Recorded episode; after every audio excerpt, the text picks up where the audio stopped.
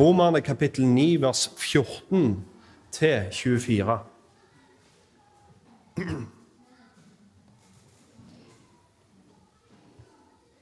Vi fortsetter der vi stoppet sist, og vi fortsetter fra vers 14.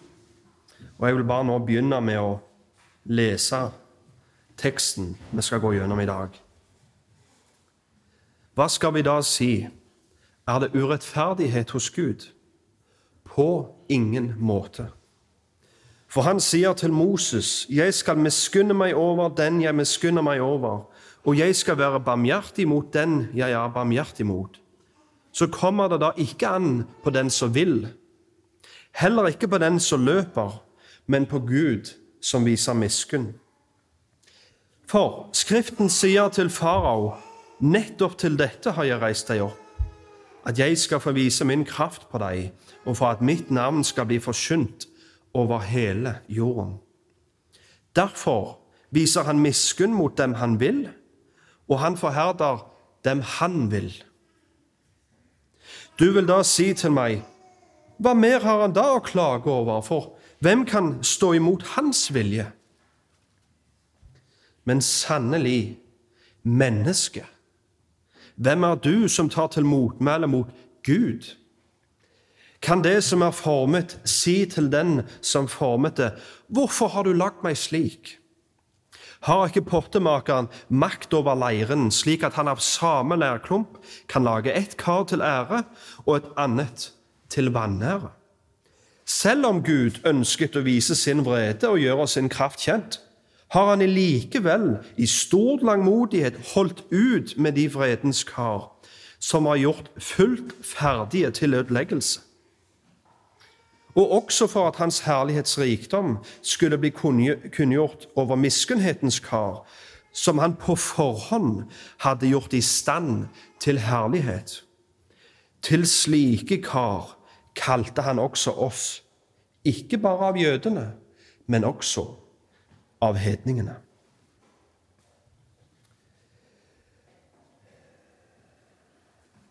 Jeg tror for, eh, for de fleste av oss så var det sånn at første gang vi fikk høre om læren om utvelgelse, eller utvelgelseslæren, eller det vi kan kalle for læren om predestinasjon, så var den umiddelbare responsen dette er ikke rettferdig. Det kan umulig være rettferdig. Jeg vet ikke om det er våre tanker du har hatt, eller kanskje det er tanker du fortsatt har. Dette er i hvert fall en lære i Bibelen jeg har hatt det veldig vanskelig med. Jeg kunne ikke forstå hvordan Gud kunne være rettferdig hvis han valgte å frelse noen, men ikke andre.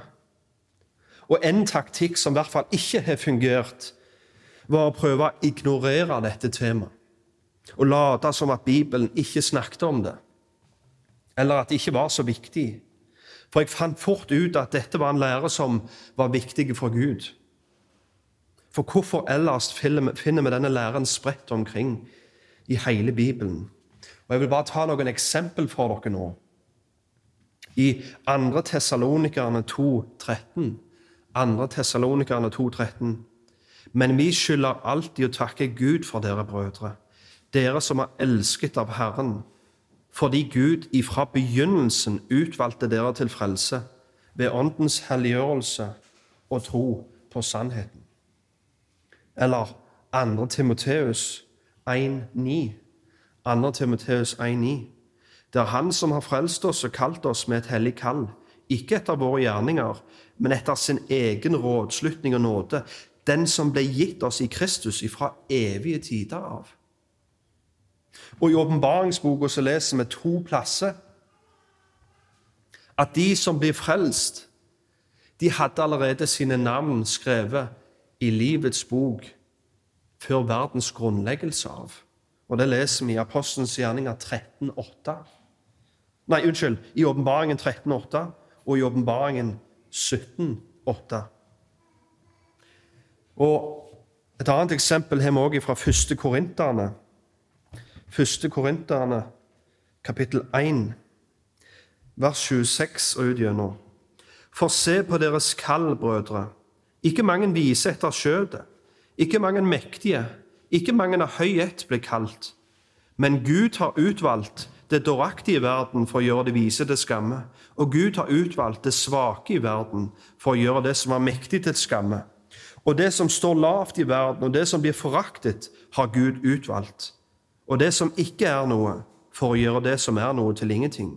For at intet kjød skal rose seg for ham. Eller i Apostelens gjerninger 1348. Apostelens gjerninger 1348. Det er når Barnabas og Paulus forkynner for en blanda forsamling, både jøder og hedninger, så kommer jødene med en respons, men hedningene de kommer med en annen. Og hør, da hedningene hørte dette, ble de glade og æret Herrens ord. Og så mange som var bestemt til evig liv, de kom til tro. Så mange som var bestemt til evig liv, de kom til tro. Eller vi kan gå til David i salmene. Salme 65, vers 5. Salig er den du utvelger til å komme deg nær, så han kan bo i dine forgårder. Eller denne kjente teksten vi har i Efeserne. I Efeserne kapittel 1. Um, og der leser vi Lovet være vår Herre Jesu Kristi Gud og Far. Han har velsignet oss med all åndelig velsignelse i den himmelske verden i Kristus, slik som Han utvalgte oss i ham før verdens grunnvoll ble lagt, for at vi skulle være hellige og ulastelige framfor ham i kjærlighet. Ved Kristus har Han forutbestemt oss til barnekår hos seg, etter sin viljes gode velbehag. Eller 2. Timoteus 2, 8-10. 2. Timoteus 2, 8-10. Og dette er Paulus som eh, skriver til Timoteus og prøver å oppmuntre han i hans virke. Og hør nå hva han sier. Husk at Jesus Kristus av Davids ett ble oppreist ifra de døde ifølge mitt evangelium. For dette lider jeg også ondt, så langt som det å være bundet i lenker som en forbryter. Men Guds ord er ikke bundet. Derfor holder jeg ut alle ting for de utvalgtes skyld, slik at de også kan få den frelse som er i Kristus Jesus med evig herlighet. Så mange vil jo komme, eller si det at hva er vits å evangelisere hvis Gud har utvalgt mennesket til frelse? Det var ikke innstillinga til Paulus. Paulus blir snarere tvert imot motivert. Jeg, det med motiverer meg. Jeg vet Gud har sine få her ute i verden. Derfor utholder jeg til og med disse lenkene her. Derfor utholder jeg å sitte i fengsel. Derfor holder jeg ut alle ting for de utvalgtes skyld, slik at de også kan få den frelse som er i Kristus Jesus. Jeg holder ut det, for jeg vet Gud har sine folk, og jeg vet og jeg vil at de skal få komme til denne frelsen, komme til tro på Jesus. Og ikke minst i Roman 8, som vi hørte Thomas gikk gjennom. Roman 8, 29-30. Denne gylne frelseslenka. Og, òg Roman 9, som vi har gått gjennom så langt. Og I lys av alt dette så innså jeg at det tydeligvis ikke en lærer Gud skammer seg over dette her. Og det er heller ikke en lærer apostlene hans og kongene og profetene skamte seg over. Og Derfor innså jeg at jeg må omvende meg for at jeg gjorde det. Det er visse lærer og det er ting Gud ikke har åpenbart for mennesket. Som f.eks.: Hvordan var det mulig for Satan å synde i himmelen? Eller hva er opprinnelsen til ondskap og synd? Så med andre ord, det er ting som tilhører det skjulte, og som Gud ikke har gitt dere til å forstå. Men læren om, utvelg, læren om utvelgelse er ikke en av dem. Det at Gud har forbestemt en skare av mennesker til å komme til tro på Jesus og bli frelst før verdens grunnleggelse av, er en sannhet som Gud gang etter gang i Skrifta har åpenbart for oss. For han vil vi skal vite, forstå og tro det. Men igjen, det som gjør denne utvelgelseslæren vanskelig og for mange ufyselige, er fordi de tenker at hvis denne læren er sann, så er ikke Gud rettferdig. Og den andre grunnen er hvis denne læren er sann, hva da med den frie viljen? Og det er nettopp sånne motsigelser Paulus forutser vil komme i lyset det han nå har sagt. Det var nok ikke første gang Paulus hadde hatt denne talen, og det var nok heller ikke første gang han hadde møtt motsigelser til denne læren. Så i teksten vi fører oss i dag, så kommer Paulus til å svare på to motsigelser han vet vil komme i tankene til leserne hans i lys av det han sa sist gang. Og Før vi ser nærmere på motsigelsene, så vil jeg bare minne dere på hva var det vi fikk høre sist. Sist adresserte Paulus det vi kan kalle for den store elefanten i rommet. Hva med Israels forkastelse av Kristus? Hvordan kan vi som hedninger stole på at det evangeliet du forkynner, Paulus, er fra Gud, når Guds eget folk, Israel, ikke ville ta imot det? Og hvordan kan vi finne noen trygghet i at ingenting kan skille Guds utvalgte fra hans kjærlighet, når Israel, som var hans utvalgte, tydeligvis har blitt skilt fra Guds kjærlighet i sin vantro og oppover imot Kristus? Og Hvordan kan vi som Guds folk finne noen trygghet i alle de løftene som Paulus har ramsa opp for oss tidligere i dette brevet? Når mange av de samme løftene ble lov til Israel, men de har tydeligvis blitt atskilt ifra Gud og befinner seg nå under hans dom. Skal vi da konkludere med at det evangeliet du, Paulus, forkynner, er i konflikt med løftene og velsignelsene som ble lov til Israel i Gammeltestamentet? Med andre ord er det sånn at Guds ord og Guds løfte til Israel har slått feil.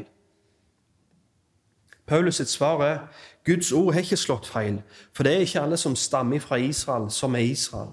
Og de er ikke heller alle barn, selv om de tilhører Abrahams etterkommere. Som andre ord det er to typer Israel, og det er to typer barn av Abraham. Du er etniske Israel, og du er åndelige Israel. Du er Abrahams barn i kjødet, og du er Abrahams barn ifølge løftet. Som andre ord så ble ikke løftet i Gammeltestamentet lov til det etniske Israel, men til det åndelige Israel. Og det ble heller ikke lov til Abrahams fysiske barn og etterkommere, men til alle Abrahams barn ifølge løftet. Men hvordan blir du et barn ifølge løftet, og hvordan er du en del av det åndelige Israel? Og svaret Paulus ga til det, var jo, det er først og fremst Guds frie valg. Og det valget blir ikke motivert av noe i mennesket. Og for å demonstrere at det er alltid sånn Gud har operert, så er et av eksemplene han tar, Jakob og Esau. Og Han skriver for barnet var enda ikke født og hadde verken gjort godt eller vondt, for at Guds plan etter utvelgelsen skulle stå fast, ikke av gjerninger, men ved Han som kaller. Så hvis Guds løfte var til hele det etniske Israel og til alle Abrahams etterkommere i kjødet, så måtte konklusjonen være at Guds ord har slått feil. I lys av at mesteparten av Israel hadde forkasta Kristus. Men når Paulus demonstrerer at løftet om frelse alltid har vært til det åndelige Israel og til de av Abrahams barn som er kalt, så beviser han at Guds ord ikke har slått feil, og at det evangeliet han forkynte, ikke står i konflikt med Guds løfte i Gammeltestamentet, men at det er oppfyllelsen av det. Men videre nå så kommer det til å komme et lite sceneskifte.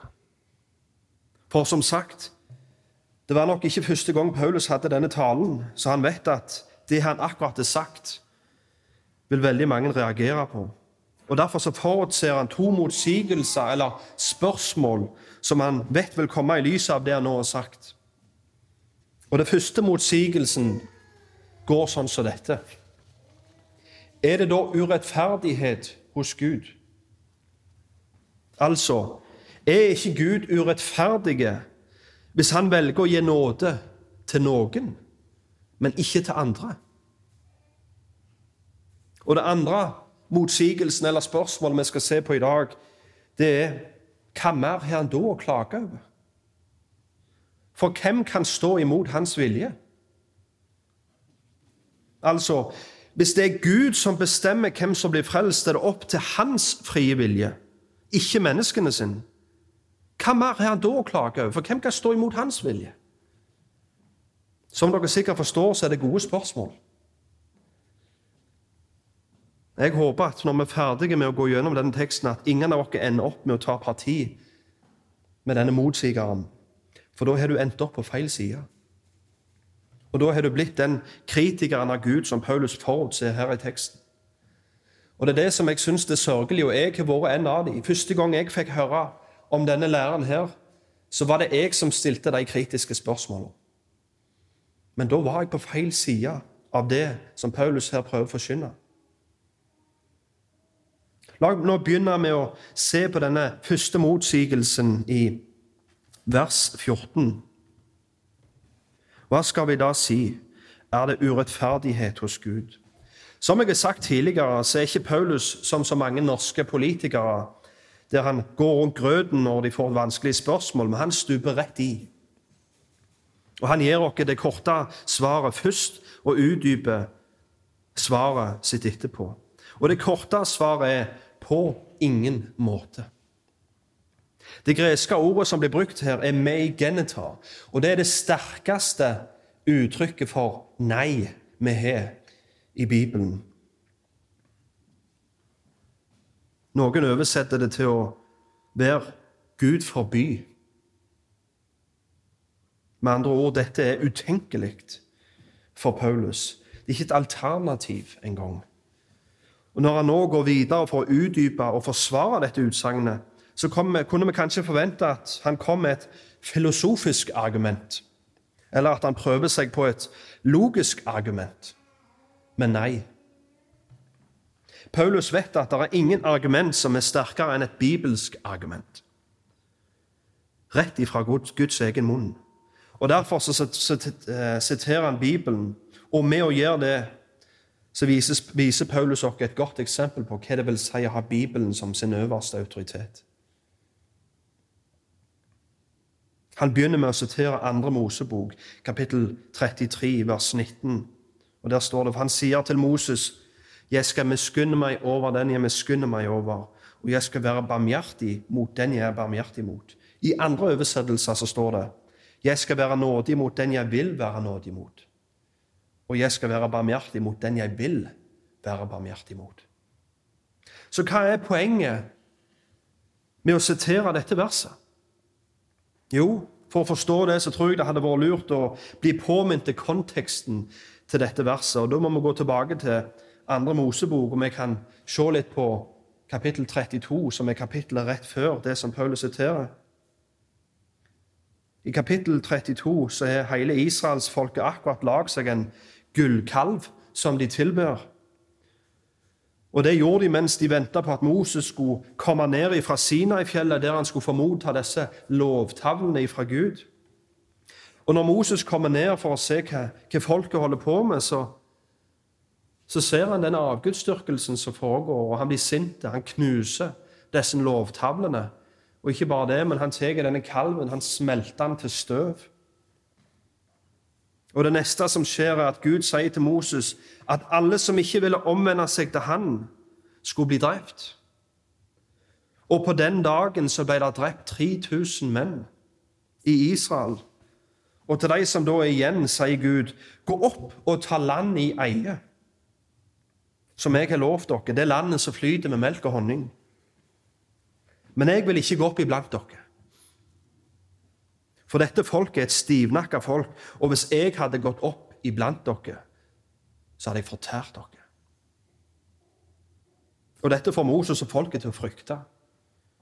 Så Derfor slår de opp tabernakelet, og Moses går inn i teltet, mens resten av forsamlingen venter i spenning på utsida. Og de venter i spenning på vil Gud komme ned, eller har han forlatt dere helt. Er det, er det som han sier, det er greit, Gå og ta dette. Jeg lovte dere skulle få landet, men gå alene. Her er for få dere klare dere sjøl. Guds herlighet kommer ned i dette åpenbaringsteltet. Og det Moses da sier, det er Du sier at jeg skal føre dette folket opp til det lovede land. Men du har ikke sagt hvem av disse folka som faktisk skal få lov å komme til det lovede land. Ja, du har sagt til meg at du skal gi meg nåde. Men kommer du til å se nåde til resten av dette folket her? Eller kommer disse òg til å ende opp sånn som de 3000 her, døde? Og så er det bare jeg som får innta dette landet. Med andre ord, Moses er redd. Og Han vil ha en bekreftelse på at Gud vil vise nåde til folket før han tør å pakke teltet og reise videre. Moses sier faktisk jeg reiser ikke opp herfra før jeg vet at du vil gå med oss, at du er iblant dere. Og han ber, la meg få se din herlighet som et tegn på at Gud vil vise nåde. Og svaret Gud gir til Moses, er at ja, du skal få se min godhet gå forbi deg. Og jeg skal forkynne mitt navn for deg. Og videre så sier han, og her kommer vi til verset som Paulus siterer i Romerne 9. Jeg skal være nådig mot den jeg vil være nådig mot, og jeg skal miskunne meg over den jeg vil miskunne meg over. Så med andre ord så er Guds svar til Moses ingen kan forlange min nåde. Jeg gir nåde til den jeg vil. Og det er ingen som kan fortjene min nåde, men jeg gir nåde til den jeg vil. Og jeg skylder heller ingen nåde, men jeg gir nåde til den jeg vil.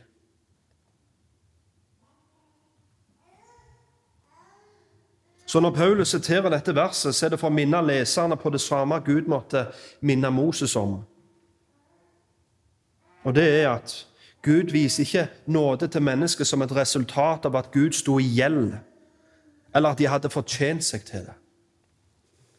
Men nåde er noe Gud viser mennesket helt ufortjent av sin egen frie vilje.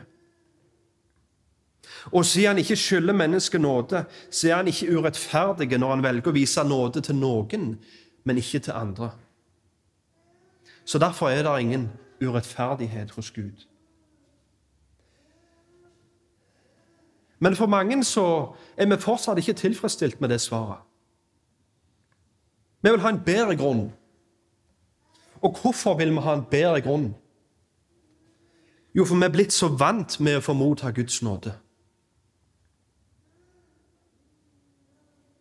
at vi nå har begynt å forlange den. Vi er så vant med å kunne spotte Guds navn uten å miste livet. Vi er så vant med å sitte over kjøttgrytene uten å gi Han takk. Vi er så vant med å syte og klage og gjøre opprør mot Gud, og Gud fortsatt gir oss gode gaver.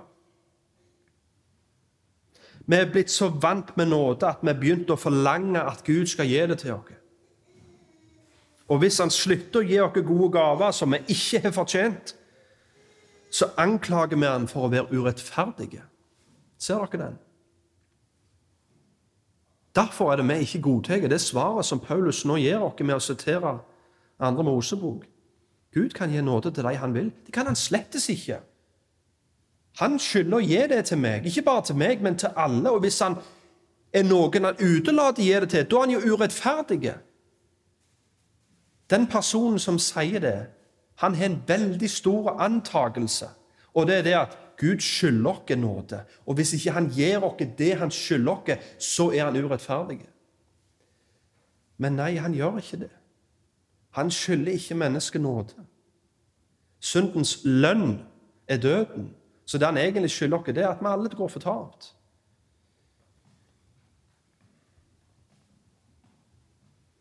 Og Det er derfor Paulus må minne oss på at Gud er fri til å gi nåde til de han vil. Vi har ingen rett til å forlange Guds nåde og anklage han for å være urettferdige når han velger å ikke gi det. Videre så leser vi i vers 16.: Så kommer det da ikke an på den som vil, eller på den som springer, men på Gud som viser miskunn.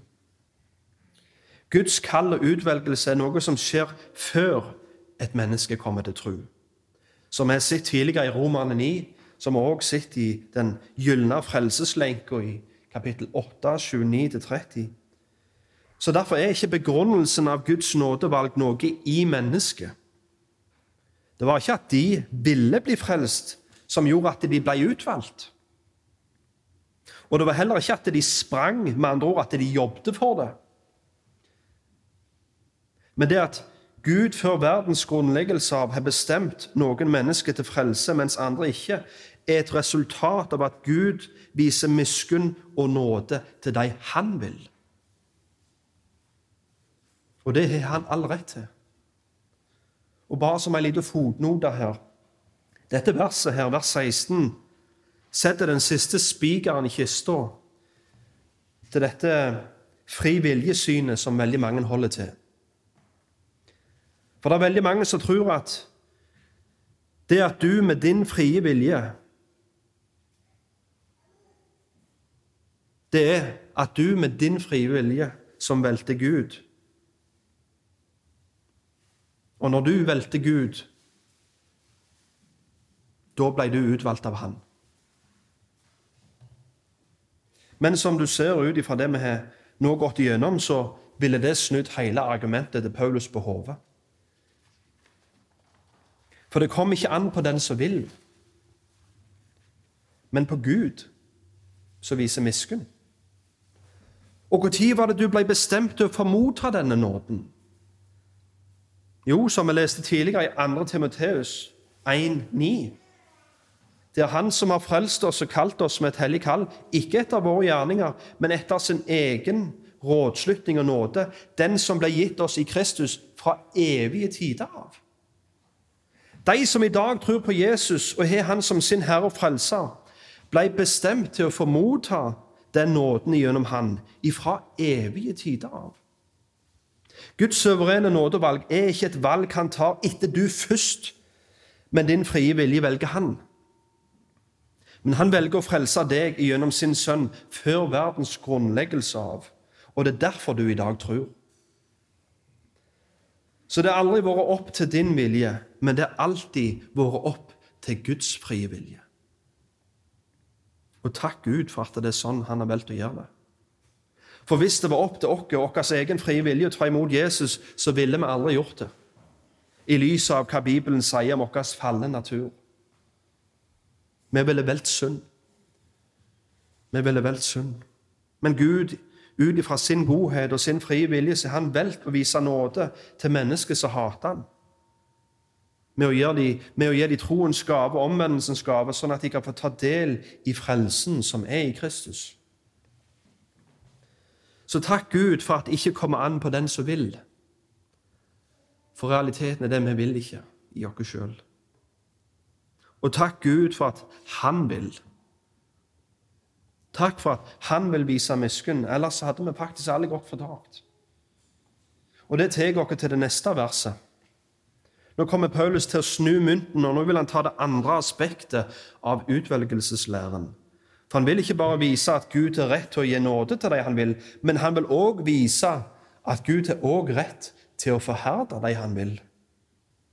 Og For å bevise det så tar han eksempelet med farao. Og Da leser vi for Skriften sier til farao nettopp til dette har jeg reist deg opp, at jeg skal få vise min kraft på deg, og for at mitt navn skal bli forsynt over hele jorden. Historien om farao er en velkjent historie. Israel var i fangenskap og slaveri i Egypt under faraos herredømme. I flere hundre år så var de der i fangenskap. Men Gud hadde lovt å sette dem fri, og måten han valgte å gjøre det på, var spektakulære. Gud sendte ti landeplager som herja i hele Egypt, og til slutt så drukna han farao og hele hans hær i Rødehavet. Og hvis du noen ganger lurer på hvorfor Gud, hvorfor valgte du å gjøre det på den måten, så gjentar Paulus begrunnelsen Gud gir oss her i teksten. Nettopp til dette har jeg reist deg opp. Det greske ordet som blir brukt her, beskriver at det er Gud som fikk han i den posisjonen han var. Det var han som løfta han opp. Og hva var det han ble løfta opp til? Jo, til å bli en av de mektigste mennene i verden på den tida. Men hvorfor gjorde han det? Jo, så Gud kunne vise sin kraft på ham. Derfor var det Gud lot han få den posisjonen han hadde. Derfor var det han som ble farao, og ingen andre. For jeg vil vise min kraft på deg. Og derfor skal jeg gi deg den posisjonen som du, du har. Hvis dere går tilbake og leser historien, så husker dere kanskje at Gud i det han kaller Moses til å være mannen som skal lede israelsfolket ut fra Egypt, så sier han samtidig til Moses og jeg skal forherde farao, sånn at han ikke lar folket gå. Og, Gud gjorde det for at farao skulle bli knust, og for at Gud skulle vise hvor mektig han er.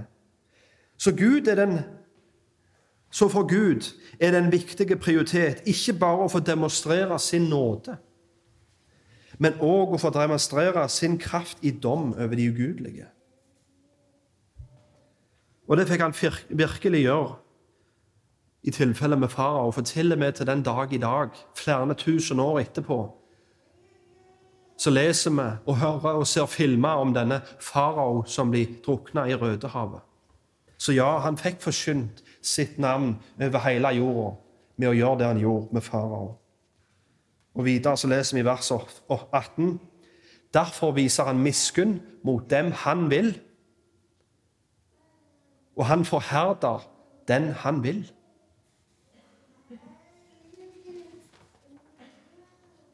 Og Det tar oss til den andre motsigelsen.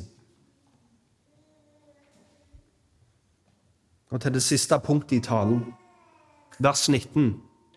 Du vil da si til meg, hva mer har han da å klage over? For hvem kan stå imot hans vilje? Med andre ord, hvordan kan du klandre meg hvis det ikke var opp til min egen frie, frie vilje om jeg ble frelst, men det var opp til Guds frie vilje. Jeg sier det igjen. Hvordan kan Gud klandre meg hvis det ikke var opp til min egen frie vilje om jeg ble frelst, men det var opp til Guds frie vilje? Og hvordan kan Gud dømme folk for deres harde hjerte når det er Han som forherder dem? Jeg tror alle som sitter her i dag, kjenner tyngden av disse spørsmålene. Og Jeg tror vi alle kan kanskje kjenne litt etterpå. Ja, det lurer faktisk jeg òg på. Hva kommer du til å svare til dette, Paulus? Og hør svaret. Men sannelig menneske. Hvem er du som tar til motmæle mot Gud? Kan det som er formet, si til den som formet det, hvorfor har du lagd meg slik? Her er det som Paulus formaner oss til å gjøre det samme som Jobb måtte gjøre når han stilte spørsmål til Gud, og det var å holde seg for munnen. For det svaret Gud ga til alle spørsmålene Jobb hadde, var å fortelle Jobb hvor store og mektige og suverene han faktisk er. Og da kom Jobb i hu hvor liten han var. Og Det er litt det samme Paulus gjør her når han sier, men sannelig menneske. Hvem er du som tar til motmæle mot Gud? Med andre ord, har du glemt at du er menneske? Og han du kritiserer og kommer med motsigelser til, er Gud. Og som i tilfellet med Jobb, der Gud svarer på spørsmålet til Jobb med å stille hans spørsmål, så kommer nå Paulus til å gjøre det, det samme. Han kommer nå med to spørsmål. Kan det som er formet, si til den som formet det, 'Hvorfor har du lagd meg slik?' Har ikke pottemakeren makt over leiren, slik at han av samme lærklump kan lage et kar til ære og et annet til vanære? Det, det Paulus gjør her, er å fortelle oss om pottemakerens frie vilje. Pottemakerens frie vilje. Og Med dette eksempelet så oppsummerer han egentlig alt det han har sagt fram til nå i Romerne 9. Han tar et eksempel med en pottemaker og en klump med leire. Og Han gjør det for å demonstrere hvor absurd det er for mennesker å komme med motsigelser til Gud, og hvor absurd det er for det som er skapt, å rette pekefingeren imot skaperen. Blir det rett å si at det er umoralsk og urettferdig av en pottemaker å ta en lærklump, og ut ifra den lærklumpen så lager han en flott vase? Og ut ifra den samme lærklumpen, så velger han å lage ei dopotte eller et askebeger. Følger det logisk at det per definisjon det er umoralsk? Du kan ikke lage et kar til fint bruk ut ifra den samme klumpen som du lager et kar til et litt mindre fint bruk. Det er i grunnen det Paulus sier. Det er det som er kjernen i kritikken deres her. For dere tror ikke at dere er leire. Dere tror dere er mer. Dere tror dere fortjener mer. Dere tror at pottemakeren har ikke makt over leira. Han har ikke rett å gjøre det som han vil med det som er hans. Husker dere lignelsen til Jesus om denne mannen som ansatte en del dagsarbeidere, og der han på forhånd ble enige med de alle at de skulle få en talent. Og han, Utover dagen så ansetter han nye og nye folk, og når til slutt lønningsdagen kommer, når slutten av dagen kommer, så stiller han alle opp, og han gir dem alle det som han hadde sagt han skulle gi dem. Og så kritiserer de. Hei, det er urettferdig. Men hva er Jesus sitt svar? Har ikke jeg rett til å gjøre det som jeg vil med det som er mitt? Selvfølgelig har Gud rett til å gjøre det som han vil med det som er hans. Ser dere det overveldende fokuset, spesielt her i Romerne 9, på Guds frie vilje? Men når var sist du hørte en tale som handler om Guds frie vilje? Jeg tror aldri jeg har hørt det i dette landet vårt. Men hva det vi nesten får høre i hver eneste tale, selv om teksten ikke handler om det engang, det er at jo, vi har jo fri vilje. Syndefallet skjedde for at sant? Vi måtte jo ha fri vilje. Vi skal nesten ha sant, fri vilje i himmelen òg. Altså, det er som at hele historien og verdenshistorien handler egentlig om at Gud ville mennesker skulle ha fri vilje. Men det er ikke det. Det er ett vesen i universet som har rett til å gjøre det som han vil med det som er sitt, og det er Gud. Det er han som er pottemakeren med leira. Og det er derfor også tittelen på talen i dag er 'Pottemakerens frie vilje'.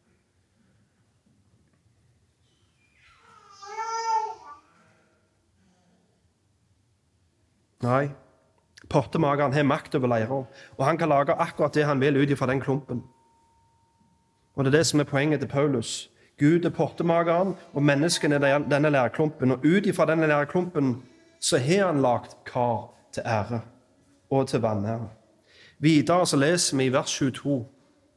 Selv om Gud ønsket å vise sin vrede og gjøre sin kraft kjent, har han likevel i stor langmodighet holdt ut med de vredens kar som var gjort fullt ferdige til ødeleggelse. Og også for at hans herlighetsrikdom skulle bli kunngjort, kunngjort over miskunnhetens kar, som han på forhånd hadde gjort i stand til herlighet. Her er det flere ting jeg kunne sagt. Og Først og fremst kan jeg si at det Paulus her legger fram, er det vi kan kalle for læren om dobbeltpredestinasjon. Det vil si, Gud har ikke bare forbestemt mennesket til frelse, men ut ifra denne teksten så ser vi at det er òg kar som er forberedt til ødeleggelse.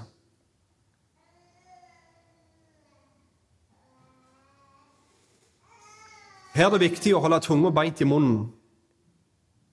Det er noen som mener at Gud utvelger til frelse og til fortapelse på den samme måten. Altså på samme måte som han ikler de som er forutbestemte frelse, i Kristi rettferdighet, og han gir de ånden, troen og omvendelsens gave, sånn at de kan være hellige og ulastelige framfor Han. Så er det noen som mener at Gud er like aktive i livet til de som er bestemt til fortapelse. At han må med andre ord fysisk gripe inn i deres liv og fylle hjertet deres med ondskap og fordervelse, sånn at de ikke vil komme til han. Men det finner vi ingen grunnlag for i Bibelen. Ja, det er sant at han aktivt må gripe inn og forvandle de menneskene som er bestemt til frelse, for at de skal komme til Jesus og få ta del i den frelsen som er i Kristus. Men han trenger ikke å gripe inn i livet til de som er på vei til fortapelse, for de er allerede i Adam. De er allerede forderva, og når de får gjøre som de vil, så vil de ha synd. Og de vil fortsette i sitt opprør. Det er derfor vi kan lese i Romerne 1 eh, at det eneste Gud trenger å gjøre, det er å gjøre som du vil. Gjør som du vil. Han overlater de til seg sjøl. Men som med farao så ser vi òg der er enkelte tilfeller der Gud velger å gripe inn i livet til en mann som allerede er i opprør imot ham. Med andre ord et kar som allerede er forberedt til ødeleggelse. Og han velger å hjelpe han videre på den veien. han sjøl har valgt, med å forherde hjertet hans for at Gud skal få utføre en plan som i det tilfellet var å demonstrere sin kraft og vrede i dom over ham. Og det har han all rett til. Pottemakeren har rett til å lage kar til ære, men òg å lage kar med det formålet at det en dag skal bli knust. Som vi kan lese i Årspråkene 16,4. Herren skapte alt for et formål. Også den urettferdige for ulykkens dag. Men som teksten sier, selv om disse karene var gjort ferdige til ødeleggelse, og Gud vil forvise sin rettferdighet og kraft den dagen de blir dømt, så har han allikevel vist disse vredens karer stor tålmodighet i det at de får fortsette i sitt opprør imot ham, helt til denne ulykkens dag kommer. Men hvorfor han valgte å gjøre det sånn, kan du tenke? Var det ikke andre alternativ? Og det er egentlig bare tre alternativ, eller tre muligheter, om du vil. Og Den første muligheten er at hele menneskeheten er kar som er forberedt til ære. Altså universalisme.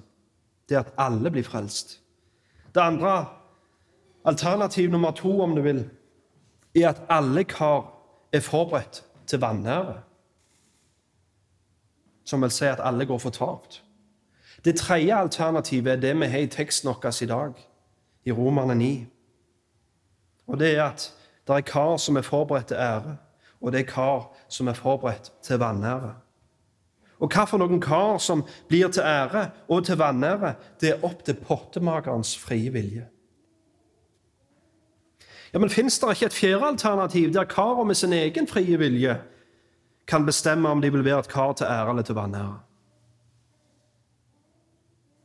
Kar har ikke den evnen. Og den evnen er heller ikke vi mennesker, ifølge Bibelen. Og Paulus har demonstrert flere ganger at det tredje alternativet er det som er i tråd med hva Bibelen åpenbarer. Hva Bibelen åpenbarer. Moses fikk være et kar til ære, og farao var et kar forberedt til vanære. Gud fikk demonstrere sin nådes herlighet over Moses, og han fikk demonstrere sin vrede og krafts herlighet over farao. Og jeg vet at dette er hardt å ta inn over seg. Og ja, det kan være vanskelig å svelge. Men jeg tror jeg vet hvorfor dette er vanskelig å svelge for mange. For det jeg skal si nå, er i hvert fall grunnen for at dette er vanskelig å svelge for meg. Og det er at vi har ikke de samme prioritetene som Gud. Vi har ikke de samme prioritetene som Gud. For hva var det vi leste var Guds motivasjon for å forherde farao? Jo, for han ville vise sin kraft i dom over ham. Og da er mitt spørsmål til deg, og dette spørsmålet har jeg måttet stille til meg sjøl òg Hvor høyt oppe på de prioritetslista har du at du vil at Gud skal få vise sin rettferdighet i dom over de ugudelige. Hvor høyt oppe på de prioritetslista er det at du ønsker at Gud skal få demonstrere sin vrede over de ugudelige? Hvis vi skal være ærlige, så er jeg redd at de fleste ikke har det på lista si engang. Og hvorfor har vi ikke det? Når det tydeligvis er noe som er viktig og en høy prioritet for Gud? Hvorfor er det ikke viktig for oss? Og ikke nok med at det ikke er på prioritetslista vår, men vi har det på en annen prioritetsliste. En annen liste, og den lista kan vi kalle for lista over det vi skammer oss over. Så er det da løye at dette er en uforståelig tekst for mange kristne, og at vi helst bare skummer fort forbi det som står her. Nei, det er ikke løye det hele. Vi bryr oss ikke om at Gud skal få demonstrere til verden alle aspekter av hvem han er. Vi vil heller favorisere visse aspekter med Guds karakter, som Guds nåde, hans barmhjertighet og hans kjærlighet. Og når generasjonene går, og det er visse aspekter med Gud som er havna i skyggen av de vi favoriserer, er det da løye at vi er kommet der vi er i dag, der vi vrir oss når vi leser en tekst som denne? En tekst der Paulus setter flomlys på dette aspektet med Gud og priser Gud for de egenskapene som vi over generasjoner har skamt dere over. Hvis du leser Åpenbaringen 19, så får du et innblikk i himmelen. Og du får se den hvite skare som står framfor tronen, og de synger en sang.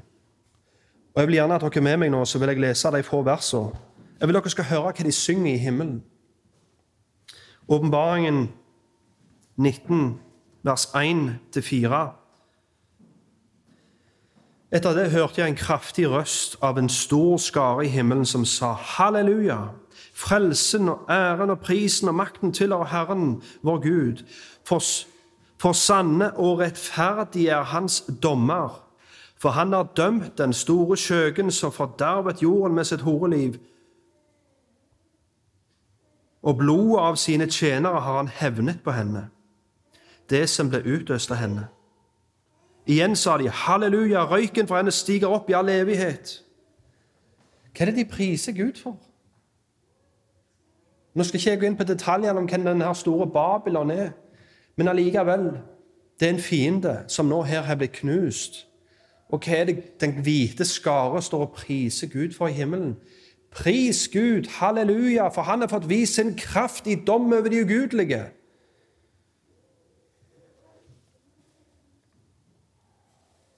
Så hvis du ikke vil, eller klarer å prise Herren for at Han er en Gud som demonstrerer sin kraft og rettferdige dom over de ugudelige der du er nå, her på jord, så er det en stor sjanse for at du ikke vil være iblant de som synger og priser Han for det i himmelen heller. Men nå til slutt. Nå har det jo vært mye snakk om hvordan Gud har operert med Israel, hvem Herren er kalt av Abrahams etterkommere, der han kalte Isak, ikke Ismael, Jakob, ikke Esau. Han valgte å vise nåde til Moses, ikke farao. Men hva da med hedningene? Er det kun i nasjonen Israel Gud har forbestemt mennesket til å bli frelst gjennom sin sønn? Er det bare folk blant jødene som har blitt forbestemt og kalt å være kar til ære? Og Det tar oss til det siste verset i dag, vers 24. Til slike kar kalte han også oss, ikke bare av jødene, men også av hedningene. Du som sitter her i dag, eller som hører på, og som er satt din tillit til Jesus som din Herre og Frelser. Du er et bevis på at Gud har ikke bare utvalgt kar som skal være til pris for sin herlighetsrikdom ifra jødene, men òg ifra hedningene. Og du har all grunn til å prise Gud for Hans nådes herlighet, som Han har vist deg gjennom sin sønn. Det var ingenting du gjorde for å fortjene denne nåden, men Gud av sin egen frie vilje og for å demonstrere sin herlighetsrikdom, så har Han valgt å frelse deg. Og hvis denne Guden er for deg, hvem kan da være imot deg? Vi har i dag fått høre om pottemakerens frie vilje. Og vi har av Paulus fått malt et bilde av en suverene Gud, en Gud som, hvis han skulle gitt dere det vi fortjente Med andre ord, hvis han skulle gitt dere rettferdighet, så hadde vi alle gått fortapt. Men ut ifra sin godhet så har han valgt å ikke la alle gå fortapt men å strekke hånda si ut gjennom sin sønn og frelse en talløs skare av mennesker, helt ufortjent av bare nåde. Og resten har blitt overlatt til seg sjøl. Så er det da urettferdighet hos Gud siden han velger å frelse noen, men ikke andre? Nei. Han gir nåde til de han vil, og han forherder den han vil. Han er portemakeren og vi er leira.